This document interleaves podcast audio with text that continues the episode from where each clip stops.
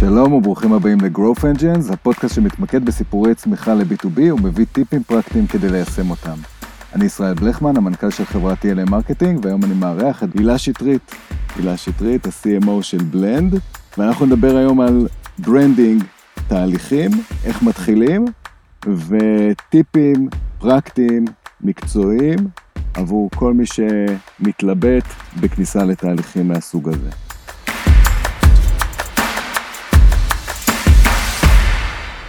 היי לה, בוקר טוב. בוקר טוב, טוב להיות פה. מה שלומך? מצוין. יפה. הילה, לפני שנתחיל, אולי תספרי קצת על עצמך? בשמחה, אז uh, כמו שאמרת לי, קוראים הילה שטרית ניסים, אני היום ה-CMO בחברת בלנד לוקליזציה, חברה שמספקת שירותי לוקליזציה למותגים ועסקים גלובליים בצמיחה, בערך uh, אה, 20 שנות ניסיון בתחום השיווק, התחלתי בעולם uh, קרנות ההון סיכון, בקבוצת ויולה, אחר כך בחברת פרומו.קום, פלטפורמה ליצירת וידאו. ייעצתי להמון סטארט-אפים בשלבים אה, מוקדמים, ובשנה וקצת האחרונות אני עם בלנד, כמו שאמרתי. שמחה מאוד להיות כאן ולדבר איתך על תהליכי מיתוג ומיתוג מחדש, ובוא נתחיל. מעולה. אז uh, באמת לפני שאנחנו מתחילים, במילותייך, מה זה, מה זה מיתוג מה זה מיתוג מחדש? אוקיי, okay, אז בקצרה, מותג בעיניי הוא בעצם כל דבר שאנחנו עושים, מותג של עסק, של סטארט-אפ כחברה, איך שאנחנו נתפסים בעיני הלקוחות שלנו, וזה בא לידי ביטוי בכל דבר שאנחנו עושים, בכל אינטראקציה עם הלקוחות שלנו, עם השותפים שלנו, עם העובדים שלנו. זה ממש ממש לא רק לוגו או פלטת צבעים, ולכן אה, אני ממליצה להתחיל אה, לחשוב על זה או להתעסק בזה ממש ממש מההתחלה, כי ככה אתם יכולים לעצב את התפיסה או את התפיסות של הלקוחות שלכם לגבי הסטארט-אפ שלכם. אז מותג זה כמעט כל דבר שאנחנו עושים ואיך שאנחנו נתפסים. אבל יש, יש הבדל בין אה, חשיבה או טיפול במותג כשנכנסים לתהליך של בניית אה, מיזם חדש, לבין איך שמתייחסים למותג בשלבים מאוחרים יותר. אגב, יש הבדל? או ש... או ש... או אם, ואם יש הבדל, האם צריך שיהיה הבדל? אולי צריך, אולי צריך לחשוב על זה מחדש? אני חושבת שהתפיסה וה-DNA המותגים יכולים להיות זהים, גם אם אתה סטארט-אפ ביומך הראשון וגם אם אתה חברה מתקדם, מתקדמת. ההבדל העיקרי הוא בכמות המשאבים שיש לך כדי להשקיע במותג הזה, בנראות שלו, בשיווק שלו ובתפיסות שלו. את, ה, את ה-DNA, את הערכים, את המסר, אפשר אה, לייצר בכל השלבים, זאת אומרת, זה לא אמור להיות שונה במיוחד. ת, תהליך של מיתוג, תהליך של יצירת הנראות של המותג שלנו, הוא משתנה. אוקיי. Okay. ועל זה אנחנו נדבר. אז בואו נדבר רגע על, אה, על תהליך של חשיבה על מותג, בתחילת הדרך. אני, אני יזם, אני חלק מקבוצה של יזמים, אנחנו, אנחנו, יש לנו מוצר שאנחנו רוצים להציג לשוק, מה אנחנו צריכים לעשות בשלב הזה? אז uh, כמו שאמרתי, בעיניי הכי חשוב זה התפיסה, התפיסה שאנחנו רוצים לייצר, איך אנחנו, מה אנחנו רוצים לשדר, מי קהל היעד שלנו, אה, למי אנחנו אמורים למכור. אה, כמובן שההשלכות של התהליך הזה, בסוף התוצרים שלו זה אה, מה השם של החברה, איך הלוגו נראה, האתר, השפה העיצובית, כל הדברים האלה עוזרים לנו לשדר את הדברים שאנחנו בוחרים לשדר. אה, בשלבים מוקדמים הרבה פעמים סטארט-אפים עושים את הדברים במשאבים מוגבלים, מעצבים כאלה ואחרים, Fiverr למיניהם, וזה גם בסדר, התוצרים יכולים להיות לא פחות טובים, כל עוד החשיבה מאחורי התהליך, הערכים שאני רוצה לשדר, ההבנה של מי הלקוח, מה המוצר, המוצר צריך להיות כבר די אפוי כדי שאנחנו נחשוב על המותג שלנו, המוצר, השירות, למי אנחנו פונים.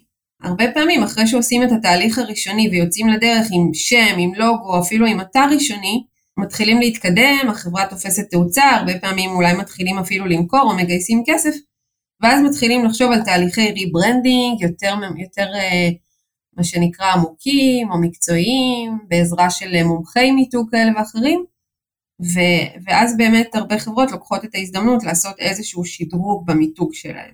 בוא, בוא נתרכז רגע בנקודה הזאת. איזה, קודם כל, שאלה מהם הסימנים לכך שאני, שאנחנו צריכים לחשוב על מותג מחדש?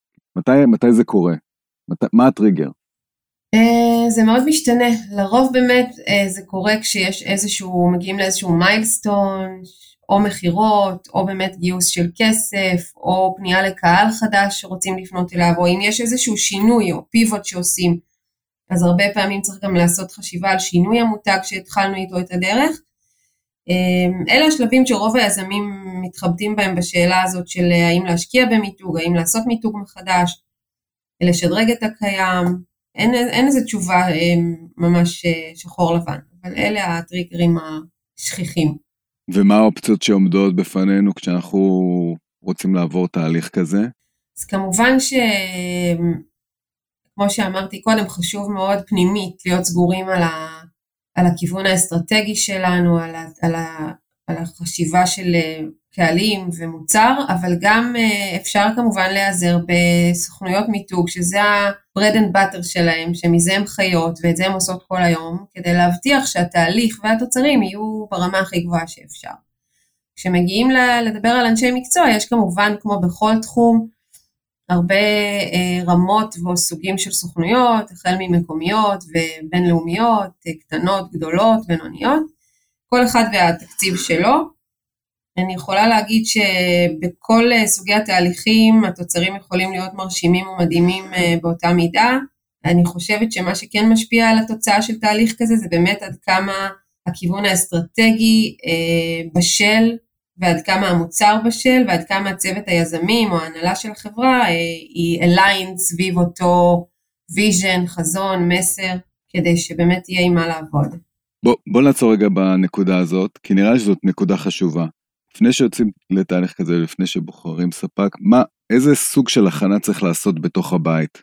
אז, אז באמת צריך לבחור את, ה, את הצוות הנכון שיתעסק בתהליך הזה, את מקבלי ההחלטות, אני חושבת שזה צריך להיות אה, קבוצה כמה שיותר קטנה של אנשים כדי שלא יהיה יותר מדי, לא יהיו יותר מדי דעות וזה ישפיע בסוף על התוצאה. בוועדה לא מגיעים לדברים מרשימים. אה, וכן צריך אה, אולי להציב מטרה, לראות איזשהו חזון מול העיניים, מה אנחנו רוצים להיות, מה לשדר, איך, איך ייראה תהליך מוצלח בעינינו כיזמים.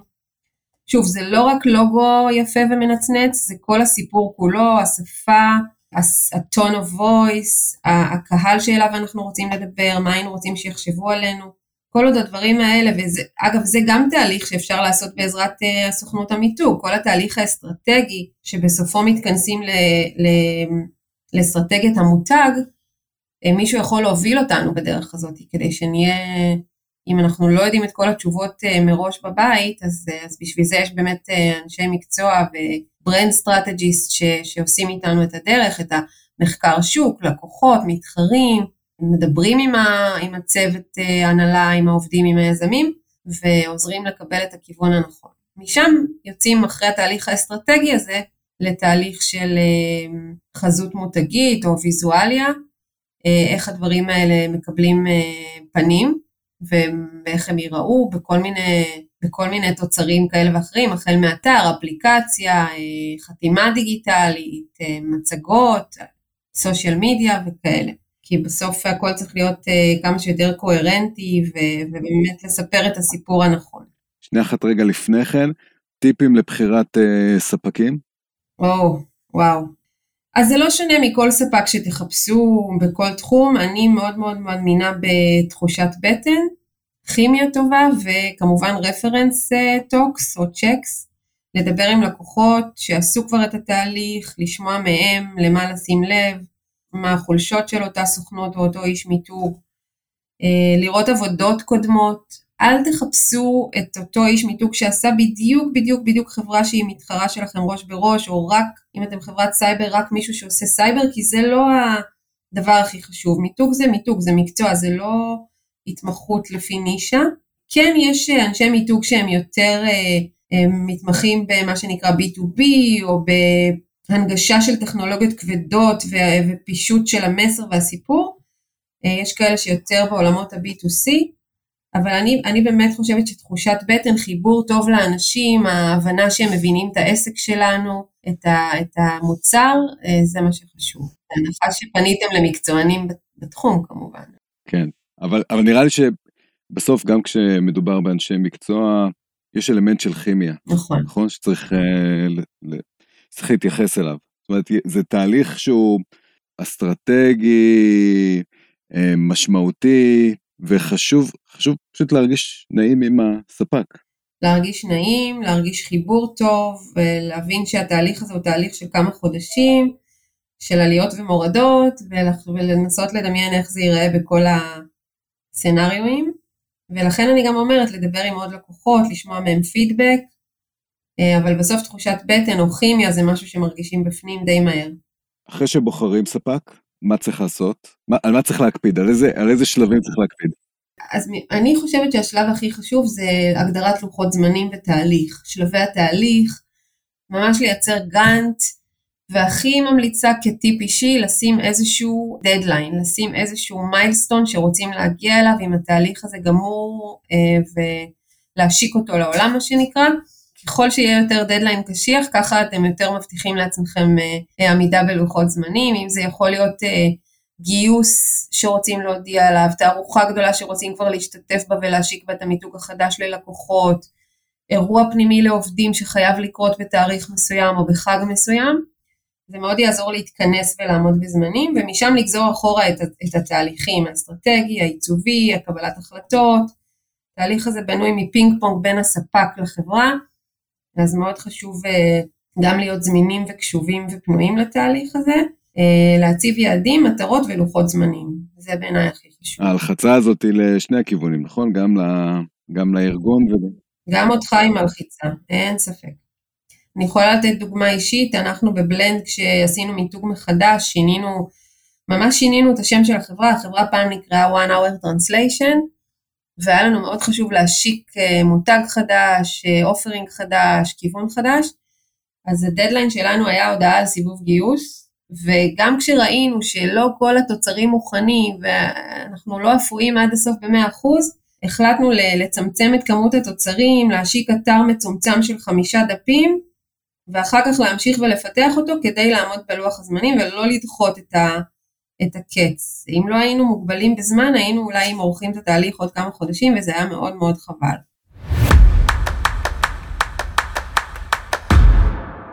והסיפור הזה ככה מרים לנו להנחתה בעצם לחלק השלישי והכמעט אחרון שרצינו לדבר עליו, והוא החלק שמתייחס לרגע שבו תהליך המיתוג אה, הסתיים פנימית, וצריך לצאת לשוק עם הסיפור החדש, עם המותג החדש, עם השם החדש, מהם הדברים, מהן הנקודות שצריך לשים אליהן לב ולהקפיד עליהן. אוקיי. Okay. ההשקה של התהליך, גם אם, גם אם זה לא uh, הבשורות הכי גדולות בעולם או הכי משמעותיות שיתפסו את כותרות הענק של החדשות, אני מאוד ממליצה כן לעשות תוכנית השקה סדורה, מתוכננת ומתוזמנת היטב, כדי uh, לייצר כמה שיותר באז ולהשיג חשיפה וגם להיות aligned בכל, בכל החזיתות. Uh, אם אפשר לחבר את המיתוג או את המיתוג מחדש לאיזשהו משהו חדשותי, כמו באמת גיוס או לקוח גדול או כנס גדול או איזשהו משהו שהוא שווה חדשות, אז אפשר גם ממש להשיק את המיתוג מחדש. בהודעה לעיתונות או בתקשורת. לרוב אם זה רק מיתוג מחדש או שם חדש של חברה זה לא יתפוס שום אה, עניין מצד כתבים, אבל עדיין אפשר לעשות השקה משמעותית וגדולה ולחגוג את המיילסון הזה בטח פנימית בקרב העובדים וגם חיצונית עם לקוחות ושותפים, כשמתזמנים ומכינים תוכנית אה, מה שנקרא אה, שלמה ומסודרת, החל מ... מתי מעלים את האתר החדש ומעדכנים את כל הפרופילים בכל הרשתות החברתיות והחתימה האלקטרונית של העובדים ואיזה קמפיין עושים כדי לייצר קצת רעש, אם זה וידאו, איזה סרטון שמספר את הסיפור, בלוג שמספר את כל הסיפור שמאחורי התהליך, שהרבה פעמים לקוחות מאוד מתעניינים או רוצים להבין למה שינינו, למה השם הזה דווקא, מה זה אומר. אה, ממש אה, אפשר אה, לקבוע איזשהו יום ושעה שעושים בה מעין מסיבת לינקדאין, שכל העובדים חולקים את החדשות ומשנים את השם של החברה שבה הם עובדים, או את הפרופיל שלהם, את הלוגו, את ה-cover uh, image, כדי לייצר כמה שיותר אימפקט. כמובן, גם אם החברה קטנה וזה 20 עובדים, וגם אם החברה גדולה וזה מאות עובדים, זה יכול לייצר הרבה, לצבוע את הפיד, מה שנקרא, שאף אחד לא יפספס. אגב, היית עושה את אותו דבר עם לקוחות? חשוב מאוד לעדכן את הלקוחות. אנחנו כששינינו את השם, התקשורת עם הלקוחות הייתה קריטית. לא רצינו שהם ייבהלו, לא רצינו שהם יתבלבלו, לא רצינו שהם יחשבו שמדובר ב... הרבה פעמים אנשים חושבים שמדובר באיזו רכישה, שינית שם, קנו אותך. היה ברור לנו להסביר להם את הרציונל, את השינוי, את ה vision, את החזון שלנו, לשתף אותם, לבקש מהם גם לשתף. אה, קיבלנו פידבקים מדהימים מלקוחות. עד היום אנחנו מקבלים. כאלה שמאוד מאוד אהבו את שינוי השם. אה, כמובן שמשנים שם, אה, יש לזה תמיד סיבה, כולם זוכרים בטח את הוידאו המצחיק ש dapulse עשו כשהם שינו את השם ל-monday.com והם הסבירו למה, למה השם הזה לא עשה להם טוב, אה, בצורה מאוד הומוריסטית. במקרה שלנו, one hour translation למשל, זה היה שם שהוא אמנם היה מאוד מאוד פופולרי וחזק, גם מבחינת SEO וגם מהרבה בחינות, אבל הוא שידר משהו מאוד מהיר, וקליל ולא מספיק מקצועי בעינינו, ושמענו את אותו פידבק מלקוחות אחרי השינוי שהם מאוד מאוד מאוד אוהבים את השינוי ואת המשמעות של בלנד, שאנחנו עוזרים באמת למותגים להיטמע בשווקים חדשים ולהיות לוקאליים, אמיתיים. אז uh, הפידבק מלקוחות, השיתוף של הלקוחות הוא מאוד חשוב, במיוחד אם יש הרבה לקוחות בעיניי. כשעושים מיתוג מחדש שהוא לא שינוי שם, זה פחות קריטי, כי זה בעיקר בעיקר ויזואלי או סיפורי, גם שם חשוב לתקשר, כדאי לשתף, זה לא מזיק, זה יכול רק לעזור. האמת היא, ככה מחשבה שקפצה לי לראש על, על, על הנקודה הראשונה, לא רוצה להפריע, אבל הנקודה הראשונה שציינת לגבי התקשורת, וזה נורא קשה, ואני יודע שברוב המקרים זה לא אפשרי, אבל קפצה לי מחשבה ומעניין אותי לשמוע מה דעתך, לקשור את התהליך הזה למשהו שהוא newsworthy. אפילו בצורה מאולצת. נכון. זאת אומרת, אני חושב ש... תקני אותי אם אני טועה, אני חושב שבדרך כלל לא, כאילו לא, לא משתפים אנשי PR בתהליך rebranding. אה, נדמה לי ככה. נכון, כי אלא אם כן אתה פייסבוק ששינתה שם למטה, ואז כל התקשורת חוגגת סביב זה, או Xiaomi שעיגלה את הפינות של הלוגו, ואז כולם חגגו גם על הלוגו הזה, לרוב זה לא worthy, כמו שאמרת. אז באמת, כמו שהצעתי בתשובה הקודמת, כדאי מאוד מאוד לקשור את המיתוג מחדש עם איזשהו משהו חדשותי. אם זה סבב גיוס, או שותפות אסטרטגית שמשיקים, או עסקה גדולה שחתמנו, אם אפשר לספר עליה, או אפילו גיוס של עובדים גדול שקורה במקביל, משהו שיעניין עיתונאים גם לכסות אותו. שוב, לבוא עם ציפיות אה, בהתאם, כי זה באמת לא תמיד הדבר הכי מעניין, אבל אפשרי, אפשרי לייצר סביב אה, מיתוג מחדש גם, גם קצת רעש, וגם אם זה לא ניוז, גם אם זה סושיאל מדיה, באז, אה, בעזרת העובדים שלכם, שהם הנכס הכי גדול, מאוד ממליצה ל- לעשות leverage ללקוח הזה של, ה- של האמפלואיז, ולעשות כמה שיותר רעש כשמשיקים כזה דבר בצורה יצירתית, עם איזה וידאו מגניב, או מספרים את הסיפור בצורה מעניינת. אה, אנחנו נגיד שהשקנו את בלנד, עשינו גם סרטון כזה שמסביר מה זה בלנד, יותר אה, סרטון שיווקי, אבל גם אספנו את כל המתרגמים שלנו, ובכל השפות אה, חיברנו אותם להודיע על השינוי הזה יחד איתנו. זאת אומרת, הם ממש צילמו את עצמם בטלפון הסלולרי, מספרים יפה. את הסיפור בהרבה הרבה שפות, עם כתוביות כמובן, וזה גם עזר לנו לספר את זה וגם להביא אותם לפרונט ולגרום להם להרגיש חלק מאיתנו, אז אה, זה היה אחלה, סתם כדוגמה. לא, אבל זה, אבל מה שמקפיץ, מה שקופץ לי לראש בסיפור של בלנד ושל one hour translation זה, זה באמת ה, הקהילות האלה שיש סביב המותג בלנד, קהילה אחת זה העובדים, קהילה שנייה זה הלקוחות, קהילה שלישית זה המתרגמים, זה הרבה מאוד כוח. נכון. הרבה מאוד כוח שאפשר uh, לשאת איתו את הסיפור החדש של המותג. נכון, נכון, ואפשר אפילו להציע להם משהו בתמורה ל, לחשיפות או ל, ל, לעזרה ב, בשיתוף הסיפור. אני זוכרת שפעם שמעתי שכשגונג השיקו, השיקו מיתוג מחדש, הם הציעו למי שמשתף את הפוסט שלהם איזה ספל במתנה שעלה להם איזה שני דולר. Mm-hmm. שזה משהו שממש ממש אהבתי, כי אנשים משתפים את הפוסט של מיתוג מחדש, ואחר כך הם גם משתפים את התמונה שלהם עם הספל של גונג, מה שעוד מגביר את החשיפה שאתה מקבל למותג שלך. אז כן, למנף את הכוח של עובדים, למנף את הכוח של לקוחות, זה ממש מומלץ וכדאי. יפה. אנחנו אמרנו שאנחנו נהיה קצרים ויעילים, אז נושא אחרון, שאלה אחרונה. איך יודעים שהלוגו הוא טוב? שאלת המיליון דולר. וואו, כן, שאלה טובה. נורא נורא אישי, נורא סובייקטיבי, האם לוגו טוב או לא טוב, כל לוגו שתראה לבן אדם תשמע עליו מלא מלא דעות, אין, לרוב אין קונצנזוס. אה, תרגיל נחמד שאני אוהבת לעשות לפני שאני מתחילה תהליך מיתוג וגם בסוף שלו, זה ממש לייצר שקופית כזאת ולשים עליה את כל המתחרים הישירים שלי, או, את כל, או חברות בתחום שלנו. אני מנסה לדמיין איזה קיר חסויות בתערוכה, או באתר אינטרנט שכולם ביחד נותנים חסות, ולראות איך הלוגו שלנו מתבלט, או האם הוא קריא מספיק, האם הוא בכלל ברור, וגם איך, איך האחרים נראים, מה הצבעוניות שלהם, כדי להיות, to stand out, כדי להיות קצת שונה ולבדל. אז זה, זה טריק אחד שאני ממליצה לעשות, כמובן בסוף התהליך, לוודא שהלוגו והאייקון לסושיאל מדיה ובכלל הוא, הוא ככה בולט וברור. אחלה תרגיל. אגב, הייתי בכנס לאחרונה, וחשבתי עלייך כי במרכז ה-venue היה קיר לוגוים כזה. אני צילמתי אותו, אני אשלח לך את, ה... אני אשלח לך את הסרטון. קיר, כן. קיר, קיר, ענק. ענק, וגם גבוה, גם ארוך, וצילמתי צילמתי ככה את הלוגוים, ובאמת הרוב לא, לא מתבלטים. הרוב, הרוב לא קופצים לעין. יש, יש את הלוגוים שככה מאוד קל uh, להבחין בהם, mm-hmm. ברוב אי אפשר, ולכן אני חושב שזה אחלה תרגיל. אני ממש חשבתי על, על, כן. על הטיפ הזה שלך כש, כשראיתי את הדבר הזה. גם להתבלט וגם שיהיה קריא, שיהיה ברור מי החברה. וגם חשוב מאוד שאנשים uh, ככה יאהבו את הלוגו, יזדהו איתו, ירגישו גאווה להשתמש בו, לנופף בו, לשים מדבקה שלו על הלפטופ שלהם, אתה יודע. אלה שני הטיפים שלי ללוגו טוב.